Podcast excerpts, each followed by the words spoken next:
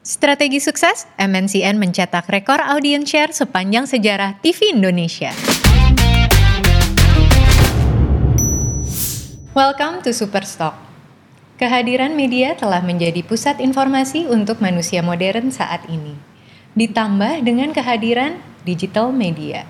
Superstock episode hari ini akan membahas salah satu perusahaan media terbesar di tanah air, yaitu Media Nusantara Citra. Bagaimana perkembangan bisnis media MNCN? Langsung saja kita tanya dengan Christine Natasha selaku Research Analyst dari Mirai Aset Sekuritas Indonesia. Hai Christine, thank you Alia. sudah hadir di Superstock. Thank you. Nah, bisa diceritakan nih apa aja sih lini bisnis yang telah dimiliki oleh Media Nusantara Citra ini? Jadi Media Nusantara Citra ini adalah uh, perusahaan media terintegrasi. Selain free to air TV, uh, Media Nusantara Citra juga memiliki uh, content production, lalu ada newspaper, ada online portal kayak okezone.com dan dia juga memiliki OTT stream- streaming platform yaitu RCTI Plus. Oke, jadi dia ada di ranah media digital dan juga ada di tradisional ya. Jadi sejak kapan nih sebenarnya MNCN mulai memiliki anak-anak bisnis? Jadi MNCN memulai uh, bisnisnya itu di tahun 2001 ketika dia mengakuisisi RCTI. Lalu beberapa beberapa tahun kemudian uh, MNCN mulai mengakuisisi juga Global TV dan juga MNC TV dan juga memulai uh, untuk memproduksi kontennya sendiri. Uh, lalu perseroan uh, melakukan go public di tahun 2007. Oke, jadi kurang lebih udah 13 tahun ya menjadi perusahaan terbuka yang terdaftar di bursa. Iya, udah cukup lama dan uh, sebenarnya MNCN ini memiliki empat stasiun TV. Jadi selain Global TV, RCTI dan MNC TV, dia juga memiliki iNews TV yang terbarunya. Dan juga dia juga memiliki uh, OTT platform uh, streaming app itu namanya RCTI Plus. Bisa bantu jelaskan nih agar sahabat Mirai Aset bisa lebih mengerti sebenarnya OTT itu apa? OTT ini adalah over the top streaming platform. Jadi dia sebenarnya eh, platform untuk menonton se- eh, secara streaming, mirip-mirip Netflix tapi sebetulnya untuk eh, RCTI Plus untuk penonton mereka untuk menonton eh, konten dari RCTI Plus mereka tidak perlu um, mensubscribe atau membayar karena dia base revenue-nya itu adalah AVOD atau advertising video on demand. Sebelumnya Christine sudah menjelaskan bahwa lini bisnis MNCN itu dibagi dua fokus, baik digital dan non-digital. Boleh kita bahas prospek bisnis untuk yang non-digital dulu. Kalau untuk prospek bisnis dari free to air TV itu kan non digital ya. Saya melihat ekspektasi dari ekspektasi kita tahun ini yang ekonomi membaik dan juga ekspektasi dari pemerintah bahwa uh, pertumbuhan ekonomi akan bertumbuh sekitar 4,5 sampai 5 persen untuk tahun ini. Jadi uh, kita lihat uh, prospeknya tahun ini cukup bagus. Lalu juga dengan seiring meningkatnya belanja iklan dari para advertiser untuk tahun ini dan juga kalau kita lihat uh, dari kenaikan occupancy rate juga itu akan mendorong prospek yang lebih baik untuk uh, bisnis free to air TV di tahun ini.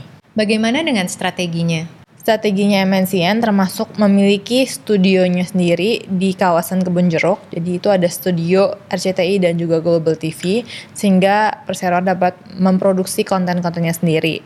Sering dengan berkembangnya permintaan atas konten-konten pada platform OTT dan juga free to air TV, khususnya uh, original konten dan juga animasi, anak usaha dari MNCN yaitu MNC Studio uh, meningkatkan jumlah produksi untuk uh, konten-konten tersebut. Dengan banyaknya platform yang dimiliki oleh MNCN, sebenarnya berapa target untuk produksi konten tersebut?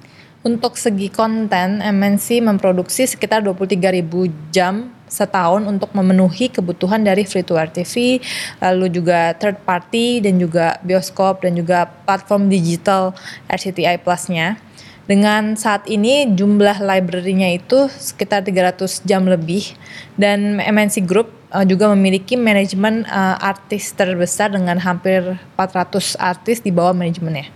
Jadi dari dua perusahaan media under our coverage yaitu MNCN dan SCMA, mereka memiliki dua strategi bisnis digital yang serupa tapi tidak sama. Jadi MNCN lebih mengarah ke AVOD atau advertising video on demand, tapi kalau untuk Surya Citra Media mereka lebih mengarah ke subscription video on demand walaupun SCMA juga memiliki AVOD business model. Tapi apakah ada strategi bisnis untuk di mobile platformnya? Jadi dalam tiga tahun terakhir, MNCN memperluas uh, inisiatif digitalnya dengan mengembangkan aplikasi mobile yaitu RCTI Plus untuk free to air TV-nya dan juga dengan memperkaya konten library-nya dan telah mulai mengunggah dari konten-konten tersebut juga diunggah ke YouTube uh, channel mereka dalam format pendek dan menengah. Bagaimana dengan pertumbuhan revenue dari lini bisnis digital ini? Jadi pertumbuhan digital revenue-nya MNCN telah bertumbuh double digit selama uh, beberapa tahun terakhir dan ini juga telah memicu uh, eh, MNCN untuk berekspansi lebih jauh lagi ke OTT platformnya dia. Jadi RCTI Plus itu sudah ada sejak di second half 2019. Sebenarnya kelebihan apa sih yang dimiliki oleh RCTI Plus ini?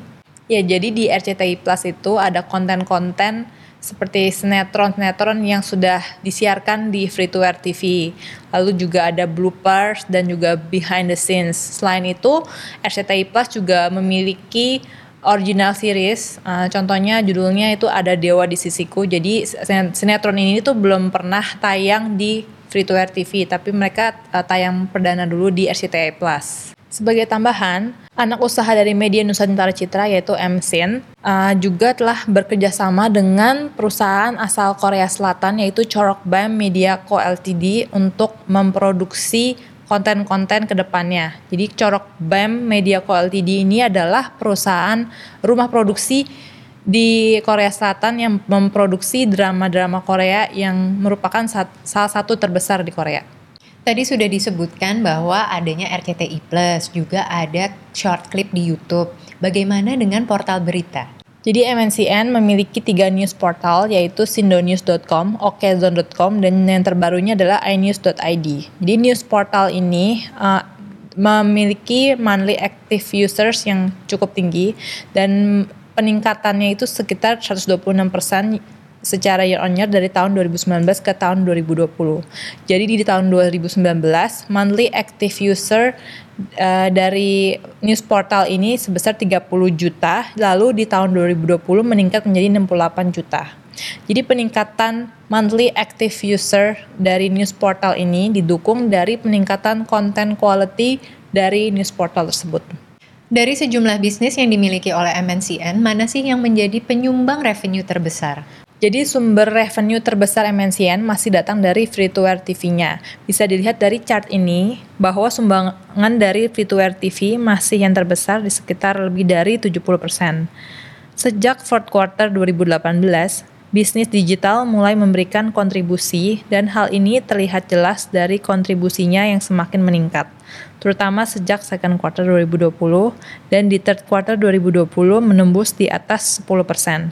Dan yang ketiga, revenue dari konten masih bervariasi. MNCN menargetkan digital revenue-nya untuk berkontribusi sebesar 16% di tahun 2021 dibandingkan tahun 2020 yang sebesar 12% dan di tahun 2021 untuk total kontribusi dari digital dan konten akan bertumbuh menjadi 35% di tahun ini dibandingkan 28 sampai 30% di tahun 2020. Oke, jadi kita bisa memproyeksikan kalau tren digital dan tren konten ini masih akan cerah ya ke depannya. Ya, dan perusahaan juga menargetkan kontribusi dari digital dan konten akan sebesar 40% di tahun 2022. Jadi nih kita dapat berita kalau ternyata RCTI berhasil mencetak sejarah dengan meningkatnya audience share hingga 40% di Desember kemarin. Dan ini semua karena sinetron Ikatan Cinta. Bagaimana sih pengaruh antara konten sinetron dengan pendapatan iklan RCTI? Ya, jadi pas bulan Desember kemarin, sinetron prime time RCTI yaitu Ikatan Cinta membukukan audience share yang sangat tinggi yaitu 40% dan secara blended RCTI untuk jam prime time-nya membukukan audience share sebesar 33,2 persen, yang mana ini uh, sangat tinggi dan diharapkan dengan tingginya audience share ini, ini akan uh, berdampak pada occupancy rate atau jumlah iklan di RCTI. Jadi untuk tahun ini um, MNCN menargetkan occupancy rate mereka uh, sebesar 80 sampai 85 persen dibandingkan tahun 2020 yang sebesar 75 sampai 80 persen. Akan ada strategi dari fee iklannya nggak? Jadi dengan optimisme RCTI bahwa audience rating mereka yang tinggi di bulan Desember akan berlanjut di tahun 2021, uh, ini akan memberikan uh, optimisme bahwa red card dapat improve di tahun ini dan juga um, occupancy rate sehingga revenue mereka dapat bertumbuh dan juga mereka dapat menggunakan inventory uh, mereka. Jadi MNCN secara total uh, leading di industri dengan prime time audience share mereka sebesar 50% di bulan Desember dan mereka berharap tren ini akan berlanjut di tahun ini. Kami memproyeksi MNCN revenue bakal tumbuh 10% secara year on year di tahun 2021 ini disupport karena ada perbaikan ekonomi di tahun ini dan ada better advertising demand dan juga adanya higher occupancy rate. Sebagai tambahan, tahun ini juga ada Euro Cup yang bakal nge-push revenue-nya perseroan. Tadi kan kita sudah ngomongin nih revenue perusahaan, sekarang kita ngomongin hutang nih Tin ya. Bagaimana sih kondisi hutang MNCN saat ini? Apakah right issue yang baru saja dijalankan dapat meringankan hutang perseroan? Jadi uh, MNCN telah membayar hutangnya lebih lanjut di fourth quarter 2020 sebesar 60 juta US dollar. Jadi dibandingkan dengan 9 month 2020 yang sebesar 170 juta US dollar, kita expect bahwa hutang dari hutang dolar dari MNCN akan berkurang menjadi 110 juta US dollar di akhir tahun 2020. Dan dibandingkan tahun 2019 sudah berkurang banyak di mana 2019 hutang dolar dari MNCN itu berjumlah 211 juta US dollar. Jadi sisa dari USD loan-nya mereka akan mature di Agustus 2022 dan menurut company, mereka dapat mempercepat pembayaran dari hutang dolarnya mereka di tahun 2021 jika tidak ada pembayaran dividen.